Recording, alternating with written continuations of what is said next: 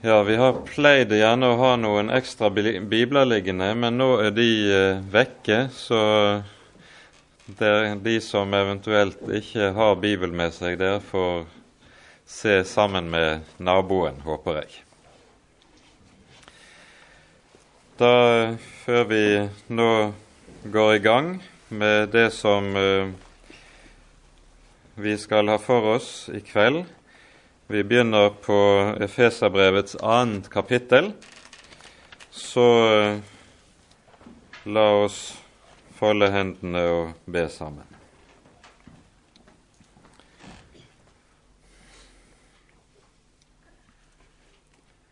Ja, kjære Herre, så kommer vi til deg igjen og takker og lover deg for all din nåde og for all din langmodighet imot oss. Takk, Herre, at du bøyet deg til oss i din elskede Sønn. Og i ham er du synderes venn og synderes frelser.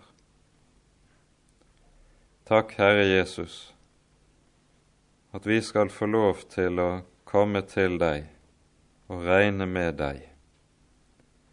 Regne med at du er den Herre som har båret alle våre misgjerninger. Du er den Herre som bærer oss på ditt hjerte dag etter dag, og at du, Herre, også er den som bærer oss frem for Gud i forbønn i det høye. Takk, Herre Jesus, at du er en fullkommen frelser, som har gitt en fullkommen frelse. Nå ber vi, Herre, at du vil være hos oss med din gode Hellige Ånd og åpenbare ditt navn for oss i kveld. Du ser hva hver og en av oss trenger til. Gjest oss du med det vi behøver. Så ser du, Herre, der er noen som gjerne ville vært her i kveld, men er forhindret av helsemessige grunner. Vil du være hos de, du kjenner dem, vær hos dem med legedom, at de må få lov å bli friske. Det ber vi for Jesus skyld. Amen.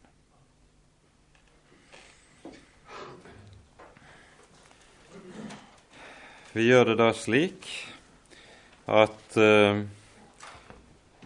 Ja, før vi begynner, kanskje uh, Jeg vet ikke om ovnen er satt på veldig kraftig uh, nå for at det skulle bli tilstrekkelig varmt før, til vi skulle starte opp i kveld. At det kanskje kan være lurt å skru de ned litt, at det ikke blir for varmt når det er såpass tett her. Så da blir det vanskelig å holde hodet hevet og ørene åpne hvis det blir for varmt. Vel, da leser vi de ti første versene i Efeserbrevets annet kapittel.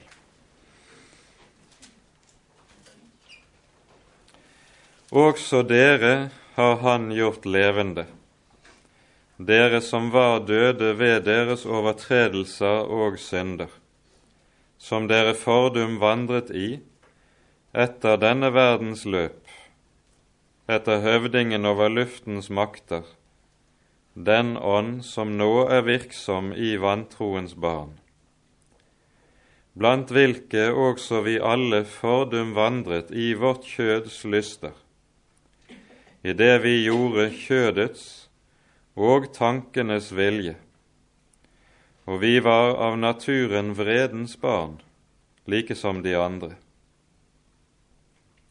Men Gud, som er rik på miskunn, har for sin store kjærlighets skyld, som Han elsket oss med, gjort oss levende med Kristus, enda vi var døde ved våre overtredelser.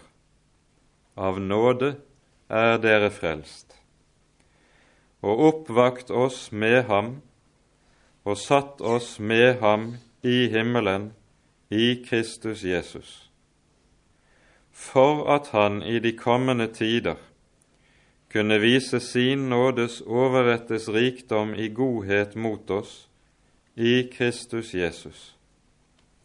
For av nåde er dere frelst ved tro, og det er ikke av dere selv, det er Guds gave, ikke av gjerninger, for at ikke noen skal rose seg. For vi er Hans verk, skapt i Kristus Jesus til gode gjerninger, som Gud forut har lagt ferdige, at vi skulle vandre i dem. Amen.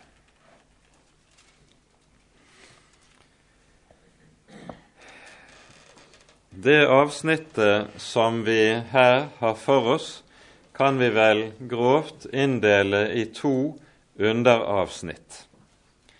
Det første avsnittet består av de tre første versene i kapittelet, der Paulus behandler eh, spørsmålet hvem det falne mennesket egentlig er. Og så, fra vers 4 av og ut til og med det tiende verset, så taler han om gaven i Kristus, og omkvedet er, som vi hørte det, av nåde er dere frelst. Og typisk nok så innledes dette avsnittet i vers 4 med 'men Gud'. De gangene det dukker opp i Bibelen, skal du legge nøye merke til det. For ofte er det slik at når det står et sånt 'men Gud',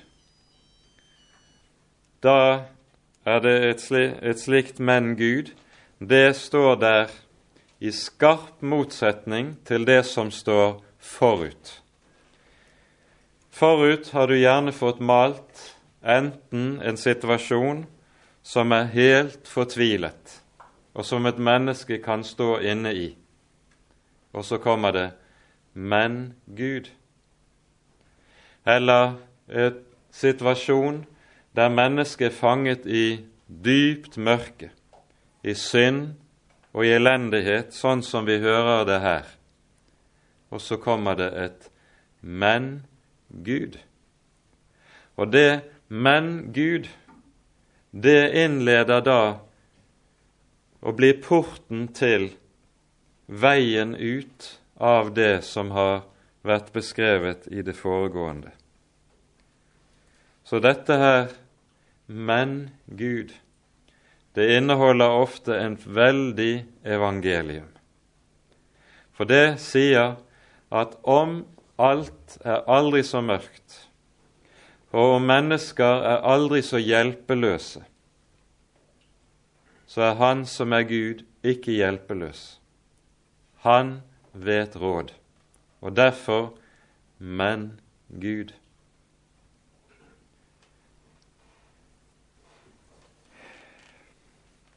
Nå er det slik at i grunnteksten i dette avsnittet som vi har lest, så kommer så er det egentlig en lang setning som går like fra vers 1 til og med vers 7.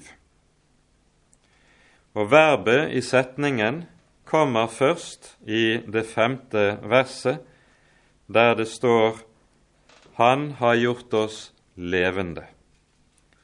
Men det er umulig å få det til på, godt norsk, og derfor er det verbet flyttet over eller opp i det første verset i våre oversettelser. Sånn at vi leser også dere har han gjort levende, dere som var døde ved deres overtredelser og synder.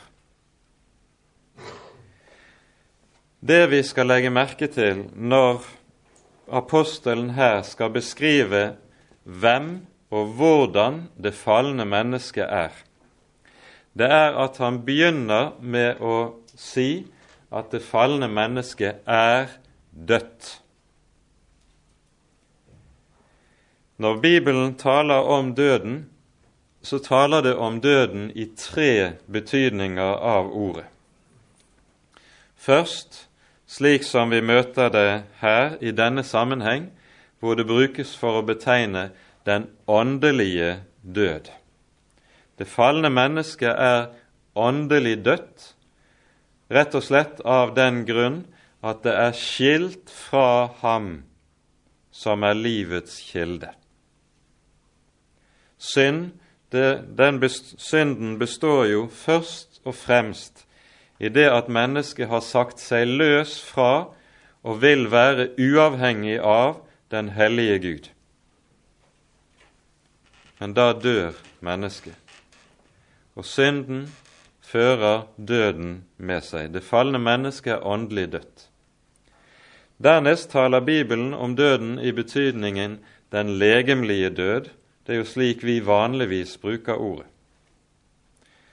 Og den legemlige død er like meget som den åndelige død også en følge av synden. Derfor lyder det til Adam og Eva etter fallet Av jord er du kommet, til jord skal du atter bli.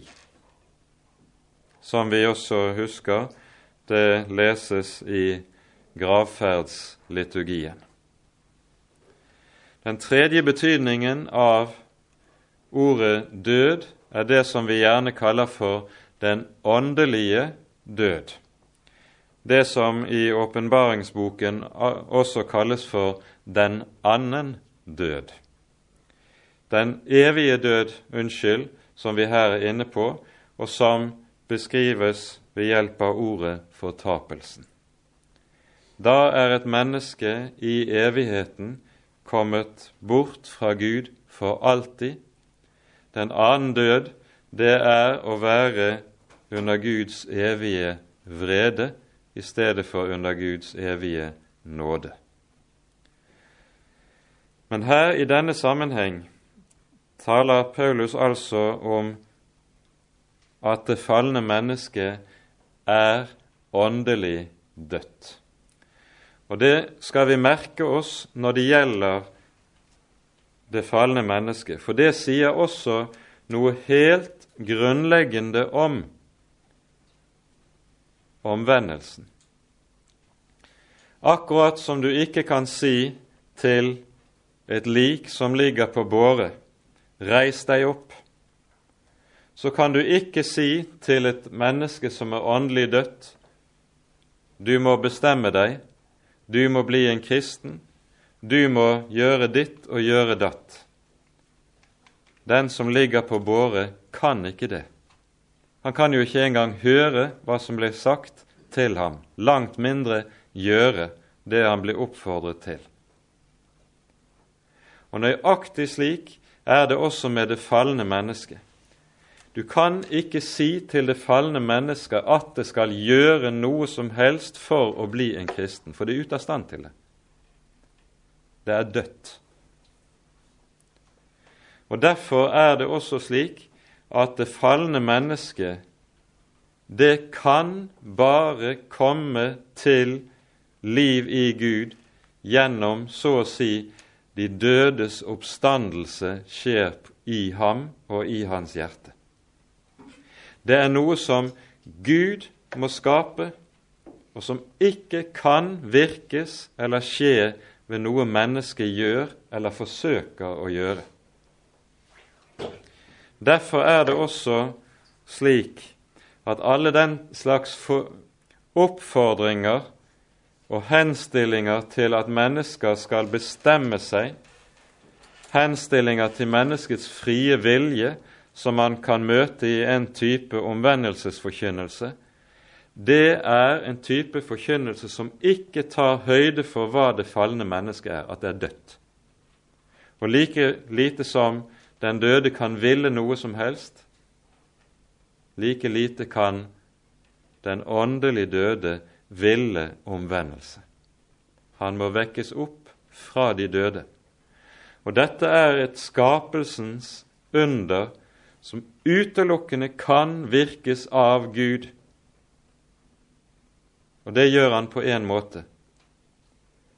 Når han sender sitt ord, og dette ordet får lov til å falle ned og synke ned i hjertets jordbunn.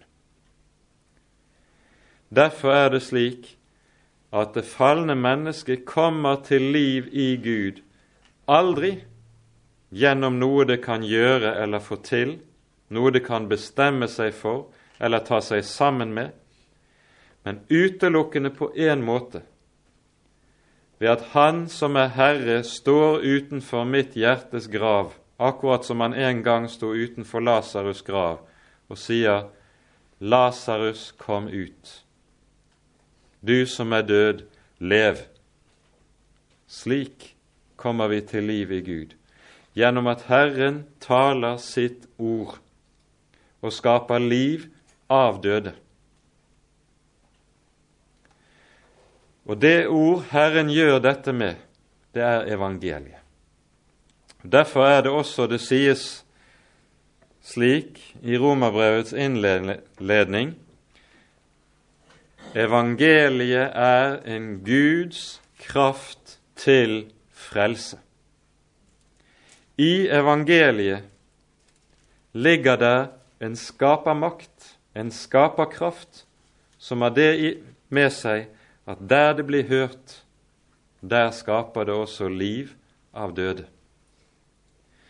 Alt som har med oppfordringer til menneskets vilje og selvbestemmelse og til menneskets gode forsetter, det er ingenting annet enn loven. Og loven kan ikke gjøre levende. Det ord som gjør levende, og som har denne makt i seg, det er evangeliets ord. Det gjør levende.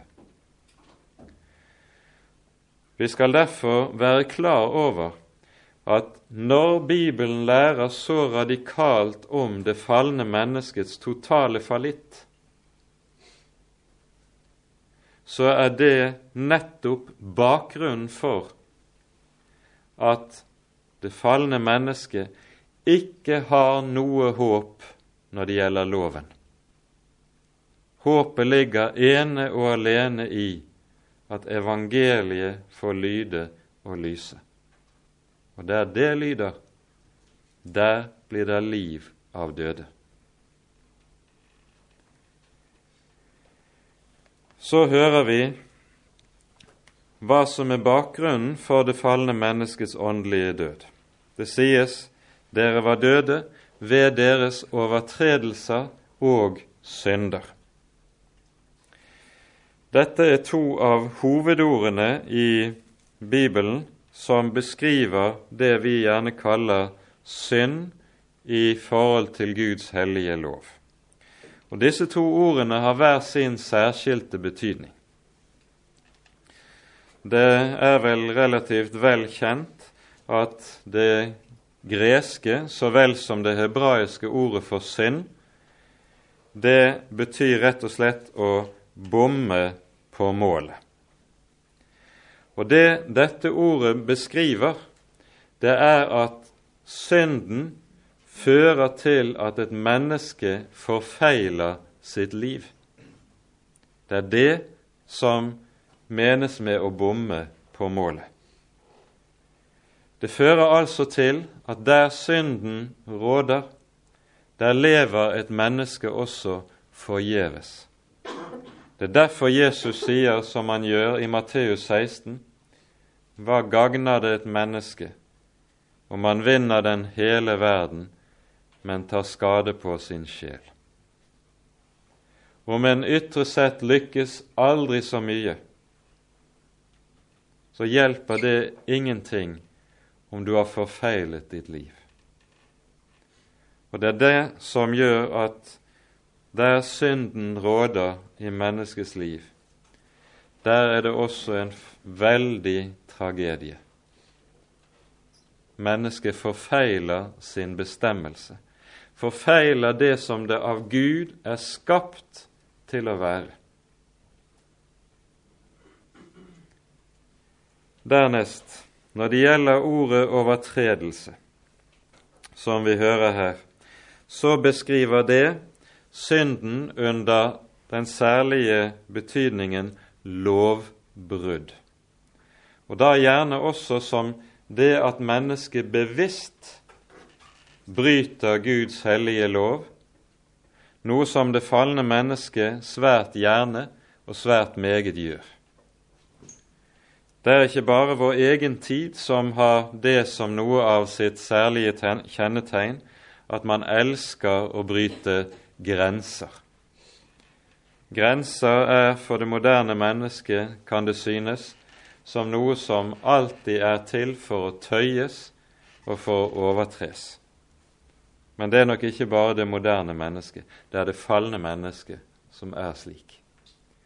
Fordi det falne mennesket stadig opplever Guds bud og Guds hellige lov som begrensninger på sin selvutfoldelse. Skal jeg få utfoldet meg riktig godt, så er det nødvendig at jeg også da kan bryte disse bud som setter grenser for meg. Og så får vi det som Bibelen da altså kaller for overtredelse. Det er begrepet. I 1. Johannes brev sies det rett ut, og veldig kompakt, det som vi her er inne på. Synd er lovbrudd. Det er en enkel og meget klar definisjon på hva synd er for noe. Synd er brudd på Guds hellige lov. Og Nå sies det videre at det som gjelder det falne mennesket på dette området. Det er noe som ikke bare så å si gjelder det enkelte mennesket sånn privat personlig.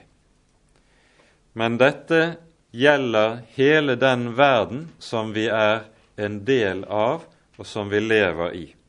Vi hører i vers 2.: Som dere fordum vandret i etter denne verdens løp etter høvdingen over luftens makter, den ånd som nå er virksom i vantroens barn.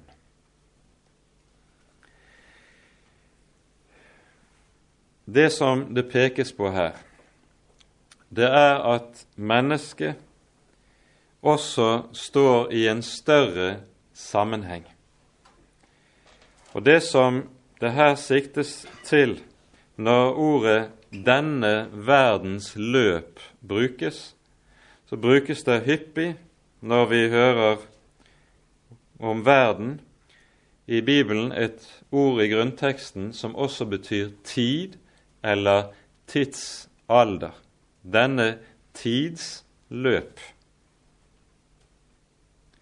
For det er nå en gang så at det er en grunnsannhet når det gjelder mennesket, og det er at vi er alle barn av den tid vi lever i.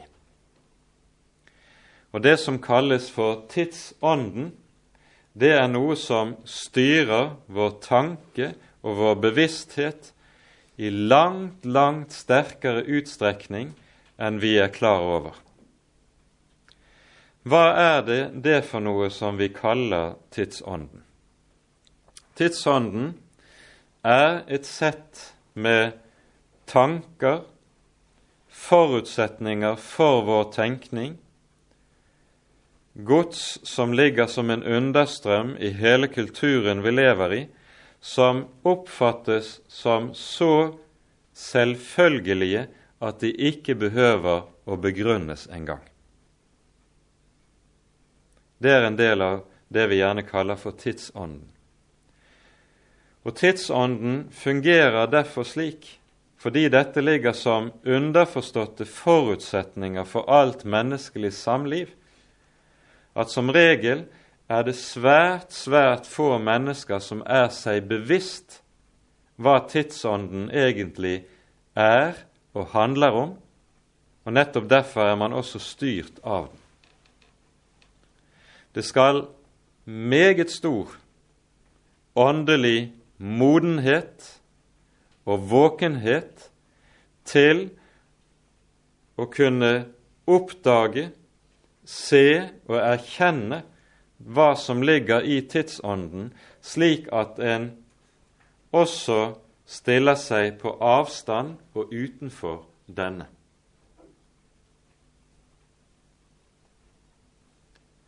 Også som kristne er vi i langt større utstrekning enn vi er klar over, bestemt av tidsånden.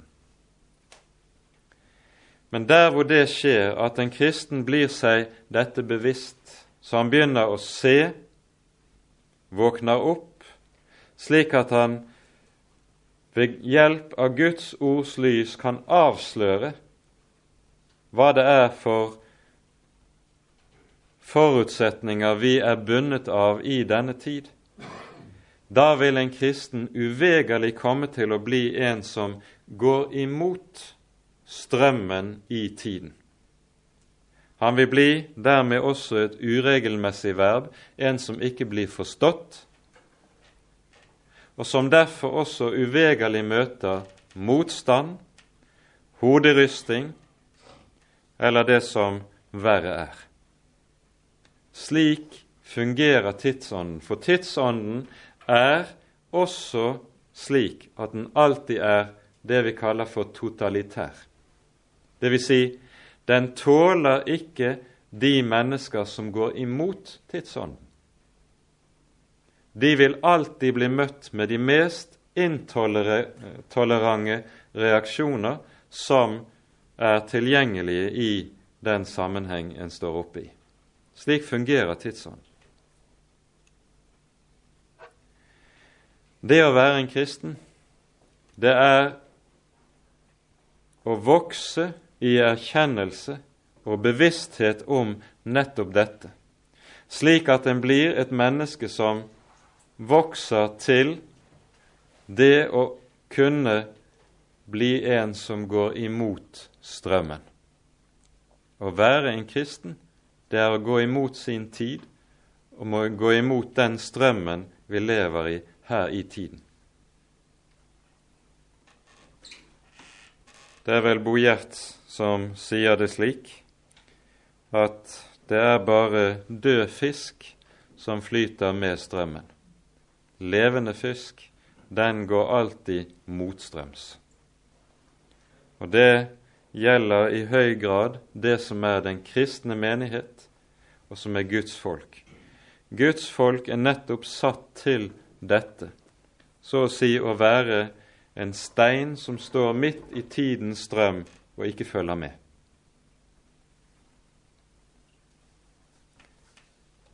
Der det skjer, og der Guds folk blir det som det er satt til å være i verden, der vil Guds folk også i meget sterk grad oppleve hva det er, det som Jesus taler om når han taler om verdens fiendskap.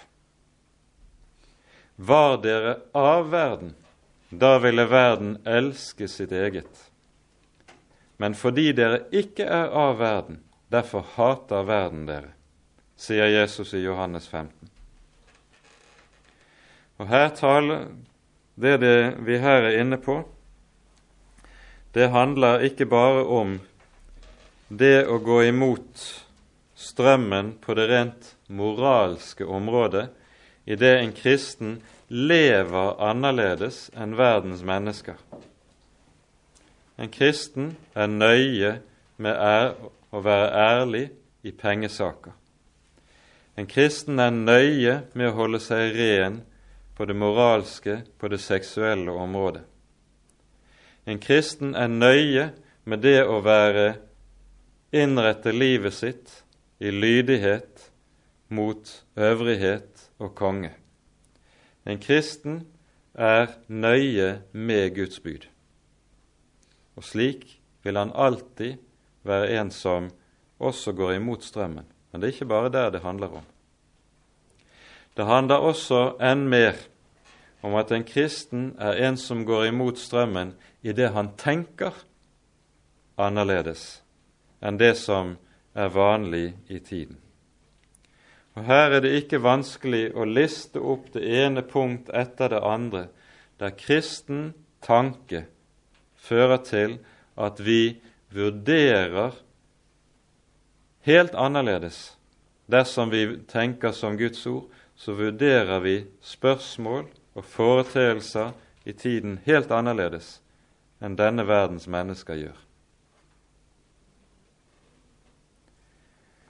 Det som kanskje i vår tid er noe av den største fare for oss som kristne, det er at tidsånden kanskje aller sterkest kommer til uttrykk i massemedia. Massemedia er i våre dager det fremste eksponenten for det som vi gjerne kaller for tidsånden. Og Nettopp derfor ser vi også at genuin kristen tanke og genuint kristen gods har så såre vanskelig for å komme til orde nettopp i massemedia. Det som kalles kristendom som kommer i massemedia, det er altfor ofte noe som på en eller annen måte gir avkall på eller har sagt Guds ord farvel. Da får det komme til orde. Men det som er genuint kristent, det er bannlyst i de aller fleste massemedier.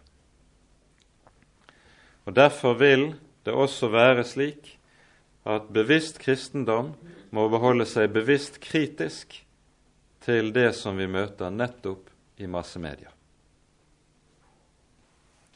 Dette vil nok med tiden vise seg stadig vanskeligere, fordi den kultur vi er en del av, den moderne vestlige forbrukerkultur, den blir stadig, stadig sterkere, bestemt av nettopp massemedia, med kommersialisme og underholdning som de drivende krefter.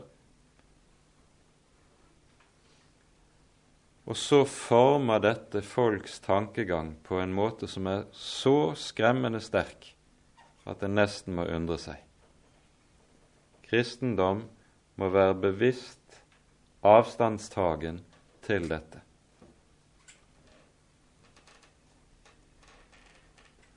I det vi her hører, så peker Paulus på hva det er som ligger bak tidsånden.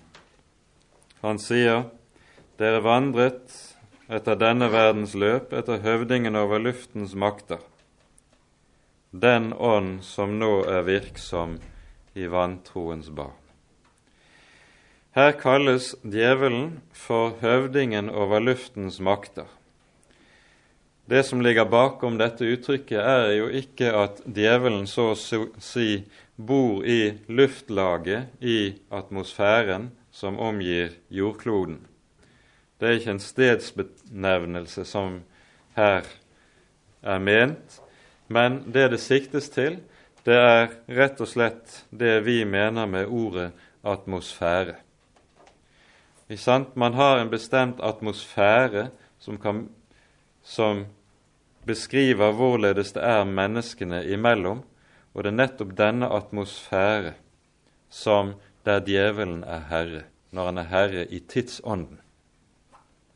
Og Nettopp fordi det er djevelen som er herre bakom alt dette, så kalles djevelen i Det nye testamentet rett og slett for 'denne verdens Gud'. Eller i Johannes 12, 31, 'denne verdens Herre'.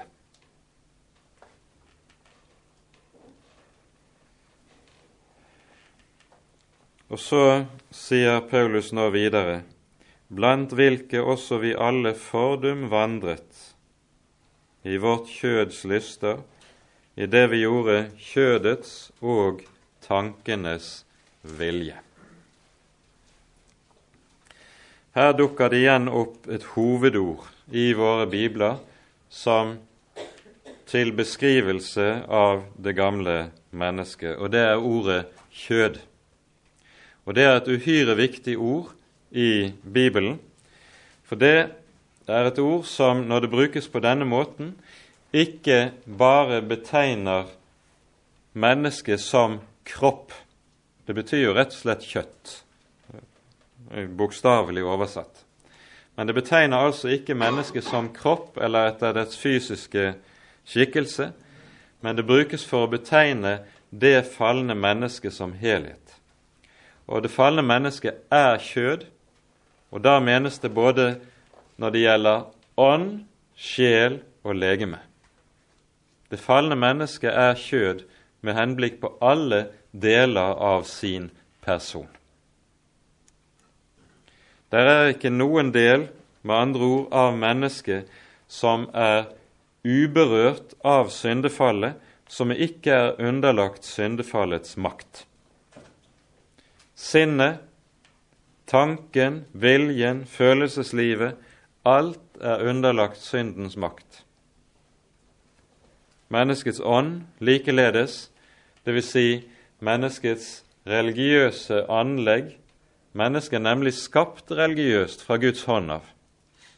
Men også menneskets naturlige religiøsitet er underlagt fallets makt. Likesom også mennesket når det gjelder det som er våre mer legemlige funksjoner, også er undergitt syndens makt. Derfor sier Jesus i Johannes 3,6, som er et grunnord, det som er født av kjødet, er kjød. Det som er født av Ånden, er ånd. Og nettopp fordi dette er tilfellet, så er det Jesus sier at av denne grunn må mennesket fødes på ny. Det må en ny fødsel til for at mennesket skal bli et Guds menneske. Det er ikke slik at det falne mennesket så å si kan forbedre seg til å bli et Guds menneske. Nei, det må en ny fødsel til. Det må, som vi hørte det, bokstavelig talt skapes liv av døde. Det som sies om mennesket som kjød, det møter vi første gang i vår bibel allerede i Første Mosebok. Og jeg tror vi tar oss tid til å lese det fra kapittel seks i Første Mosebok. Vi er her i det sjette kapittelet i Første Mosebok kommet til beretningen om Noah og syndfloden. Og i innledningen til dette kapittelet gjør Gud så å si opp status over det som er den falne menneskehets tilstand.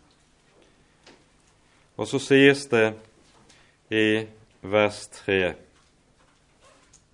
Da sa Herren, min ånd skal ikke dømme blant mennesker til evig tid, for sin villfarelses skyld er det kjød.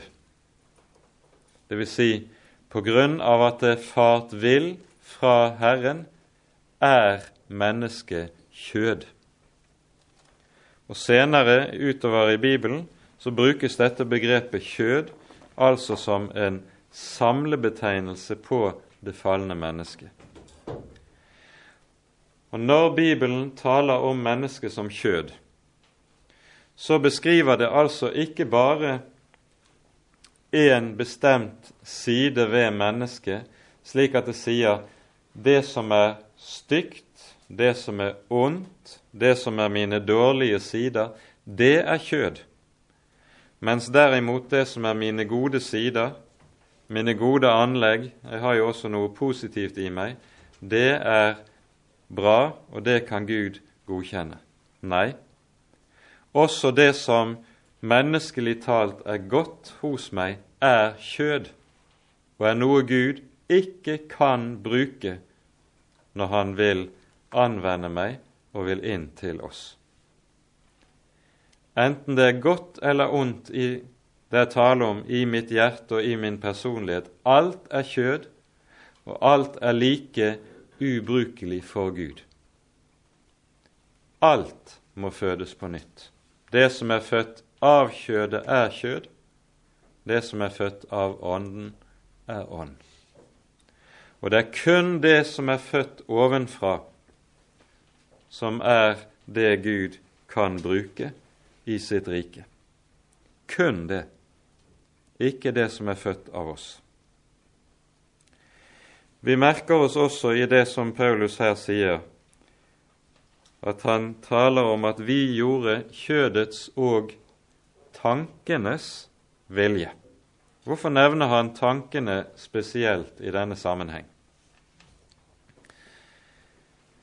Jeg tror vi her skal minne om ordet fra Jesaja 55, 7, der det taler om hva som kjennetegner omvendelsen. Jesaja 55, 7. Her sier profeten slik.: Den ugudelige forlater sin vei, og den urettferdige sine tanker, og omvende seg til Herren.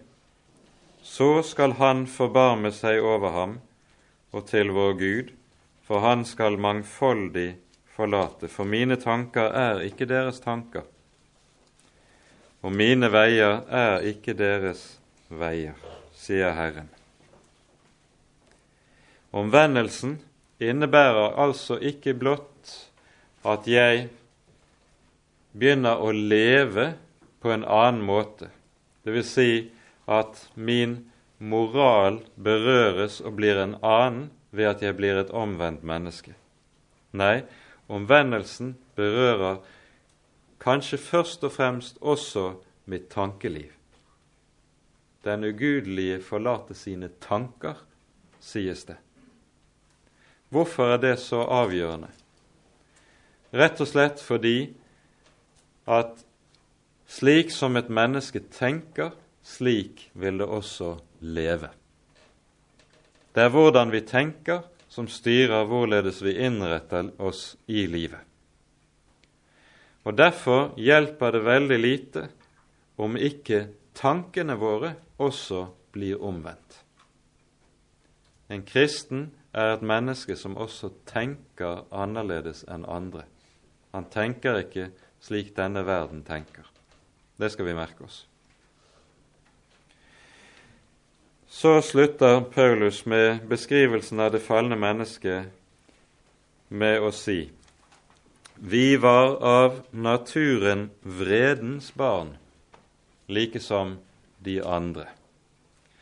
Dette er en måte å uttrykke seg på som er hentet fra hebraisk språk, og dette er et av og det betyr ganske enkelt, når Paulus sier 'vredens barn', så betyr det at vi er slike som er under Guds vrede på grunn av vår synd. Det er det som ligger i det hebraiske uttrykkssettet. Og legg merke til at han sier 'vi var av naturen vredens barn'. Det er altså ikke noe tilfeldig.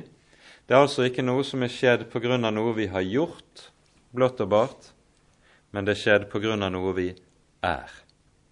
Vi var av naturen vredens barn. Og Det Paulus dermed beskriver og sier her, det er at han peker på det som man i teologien senere gjerne har kalt for arvesynden. Det vi er, det er noe vi har i arv fra Adam og Eva. Synd er ikke blott og bart noe som jeg gjør meg skyldig i som enkeltmenneske, som individualitet løst fra alle andre. Nei, det er noe som er en del av hele den slektssammenheng jeg står i. Og fordi jeg er en del av menneskeslekten, så har jeg også del i synden. Det betyr ikke at det personlige ansvar er borte. Tvert om. For det hører til menneskets gudsbilde at vi er slike som har personlig ansvar. Men dog dette er også arv. Og Dette sies uttrykkelig i Romerbrevets femte kapittel.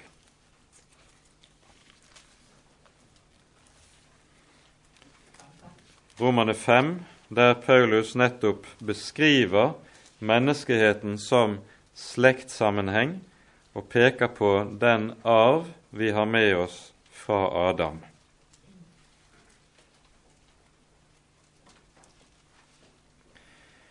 Her setter Paulus Adam og Kristus opp imot hverandre og peker på hvorledes det går en virkning fra den ene til de mange, til alle.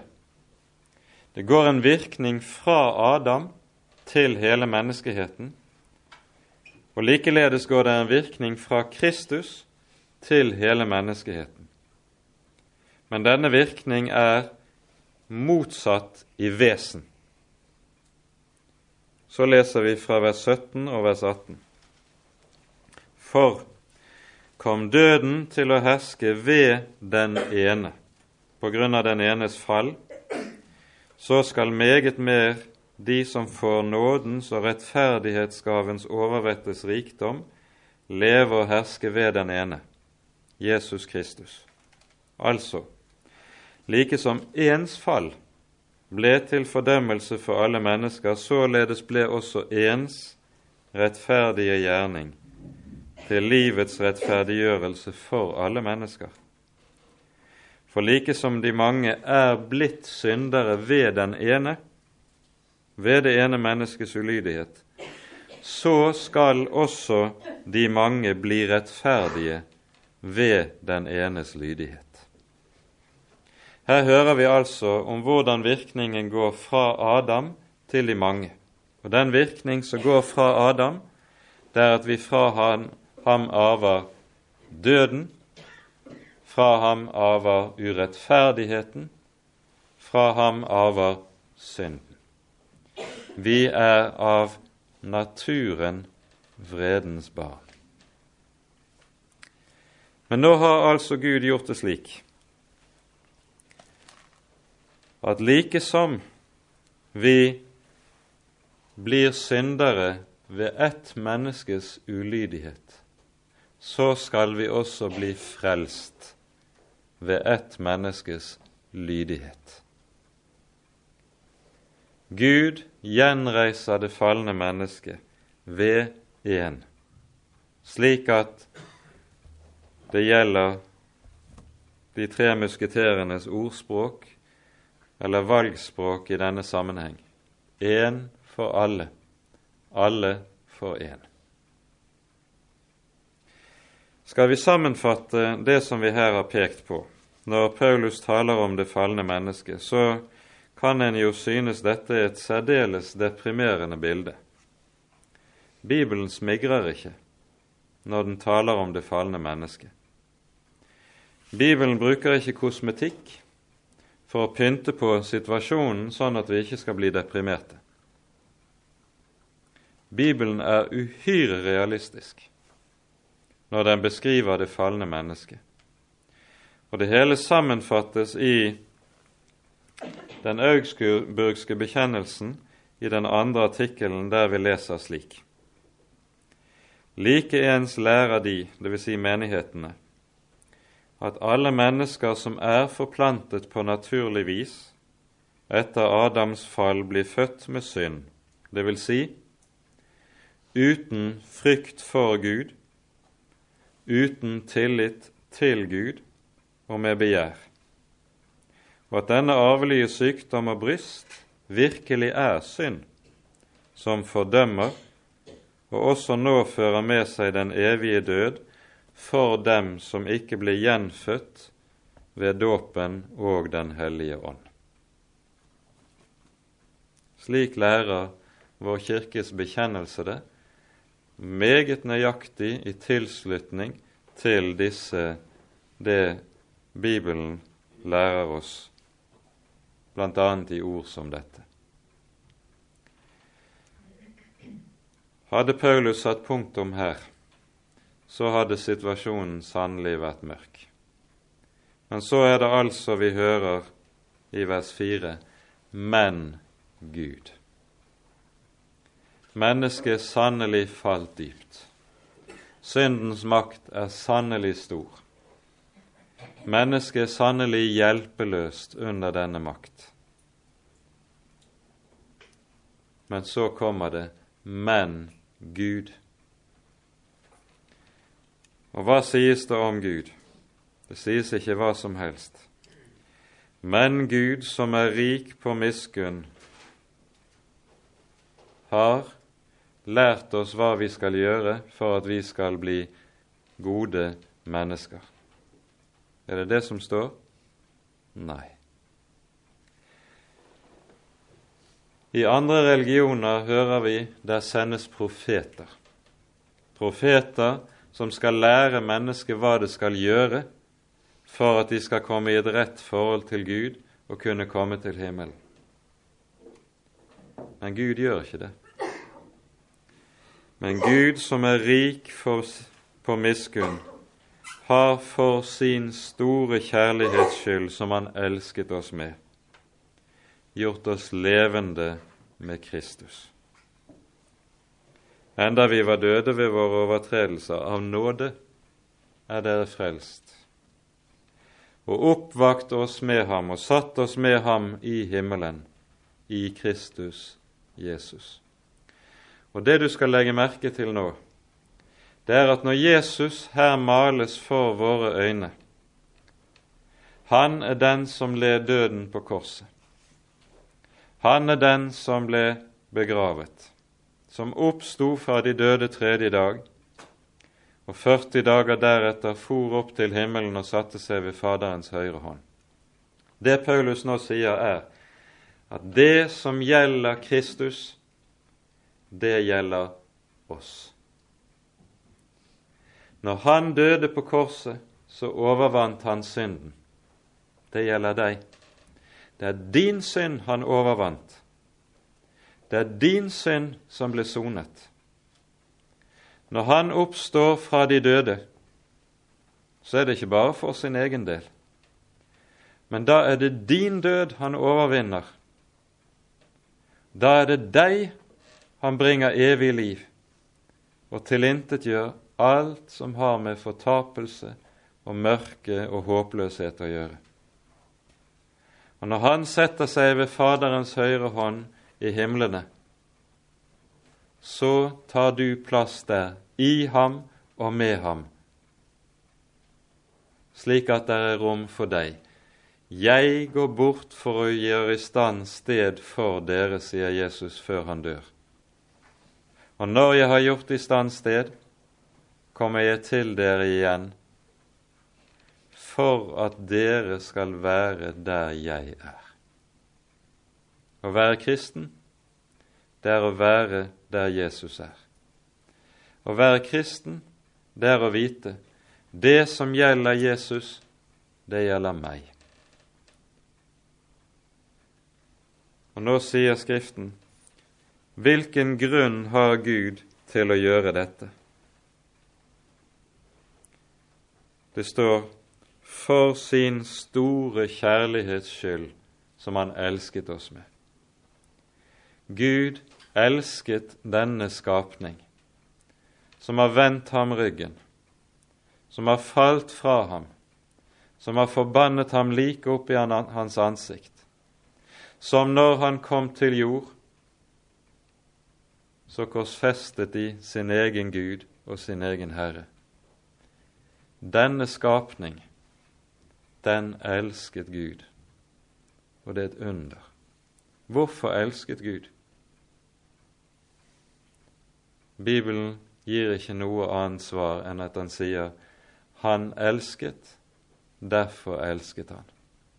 Det er ikke fordi det var noen grunn i oss, ikke fordi det var noen formildende omstendigheter hos oss som han kunne bygge sin nåde og kjærlighet på. Han elsket ene alene fordi han er kjærlighet. Det er hans vesen. Og så elsker han også mennesker som er falt ned i det dypeste, dypeste mørket. Men Gud, står det. Og så står det hvordan vi blir frelst av nåde. Ordet nåde, det betyr bokstavelig for intet og av intet. Og det beskriver ganske enkelt det for våre øyne at når Gud frelser, så gjør han det på nøyaktig samme måte som da han i begynnelsen skapte verden.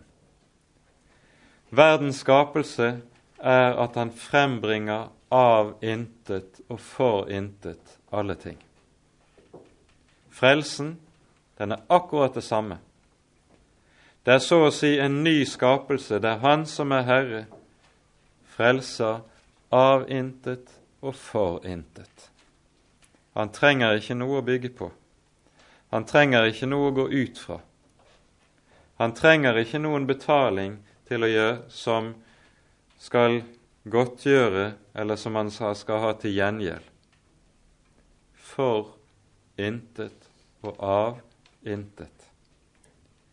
Av nåde er dere frelst. Og hva betyr så ordet frelse? Ordet frelse, det betyr rett og slett den absolutte motsetning til alt det som har vært sagt om det falne mennesket i de tre første versene. Ordet frelse, det betyr at vi som av naturen var vredens barn, hva blir vi nå? Ikke lenger vredens barn, men Guds kjærlighetsbarn, om vi så har lov til å bruke et slikt uttrykk. Vi som er fanget under høvdingen over luftens makter, vi blir fri fra denne makt. Så blir vi den levende Guds elskede barn i stedet. Vi som var bundet slik at vi fulgte denne verdens løp, bundet i våre overtredelser og synder. Å bli frelst, det er å løses fra all denne makt, så vi blir fri. Og så lyder det av nåde er dere frelst. Av nåde for intet. Av nåde, det vil si for Jesus skyld. For det som her er gjort, det som her er vunnet, det er det Guds sønn som har vunnet. Og når vi skal få lov til å ha del i frelsen, så er det så å si slik at vi i dette har et forbilde i Det gamle testamentet som veldig godt beskriver hva det handler om her. I andre Samuels bok, i det niende kapittel, er det slik at David er kommet på tronen. Sauls hus er utryddet av filistrene. Men så husker dere David hadde en god venn, Jonathan, som sto ham nærmere enn noen andre. Og når Davids makt er trygget,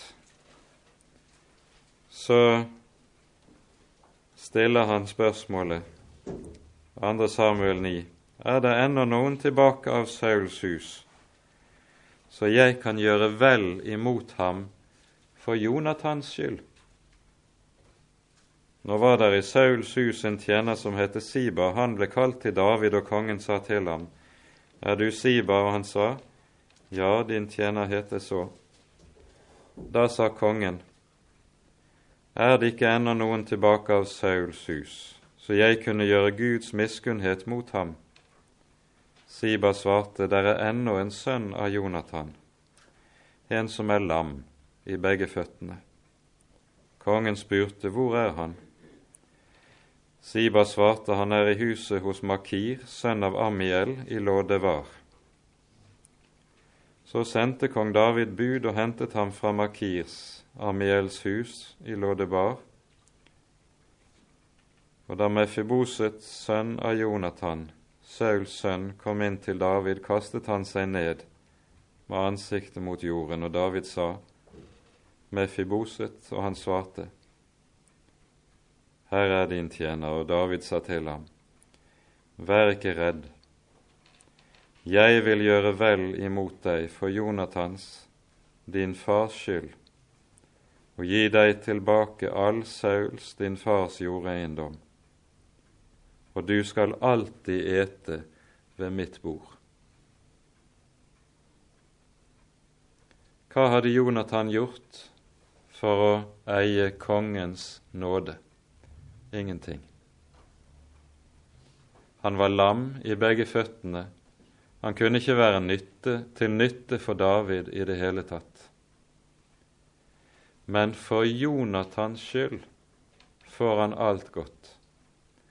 For Jonathans skyld får han tilbake farsarven.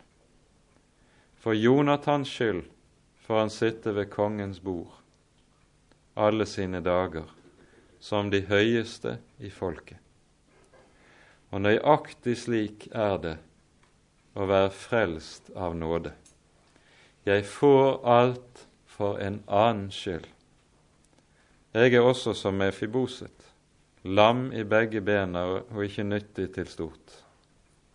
Men for Jesus skyld skal jeg få lov å sitte ved kongens bord. For Herrens skyld, for Jesus skyld, skal jeg få del i alt dette gode, ja, få arven tilbake. Av nåde er dere frelst, slik at alt det som hører vår Jonathan til, vår Herre Jesus, det er vårt for intet. Av nåde er dere frelst. Det er gaven. Og så kan Paulus i det avsnittet vi her har for, for oss, likesom gjøre to ting. Først så å si gå ned i det dypeste i menneskets fall. Og så gi oss budskap om at selv dette som er falt så langt ned i mørket, har Herren tatt seg av og løftet opp til sin høyre hånd i sin kjære Sønn. Av nåde er dere frelst. Amen. Ære være Faderen og Sønnen og Den hellige ånd, som var og er og være skal en sann Gud, høylovet i evighet. Amen.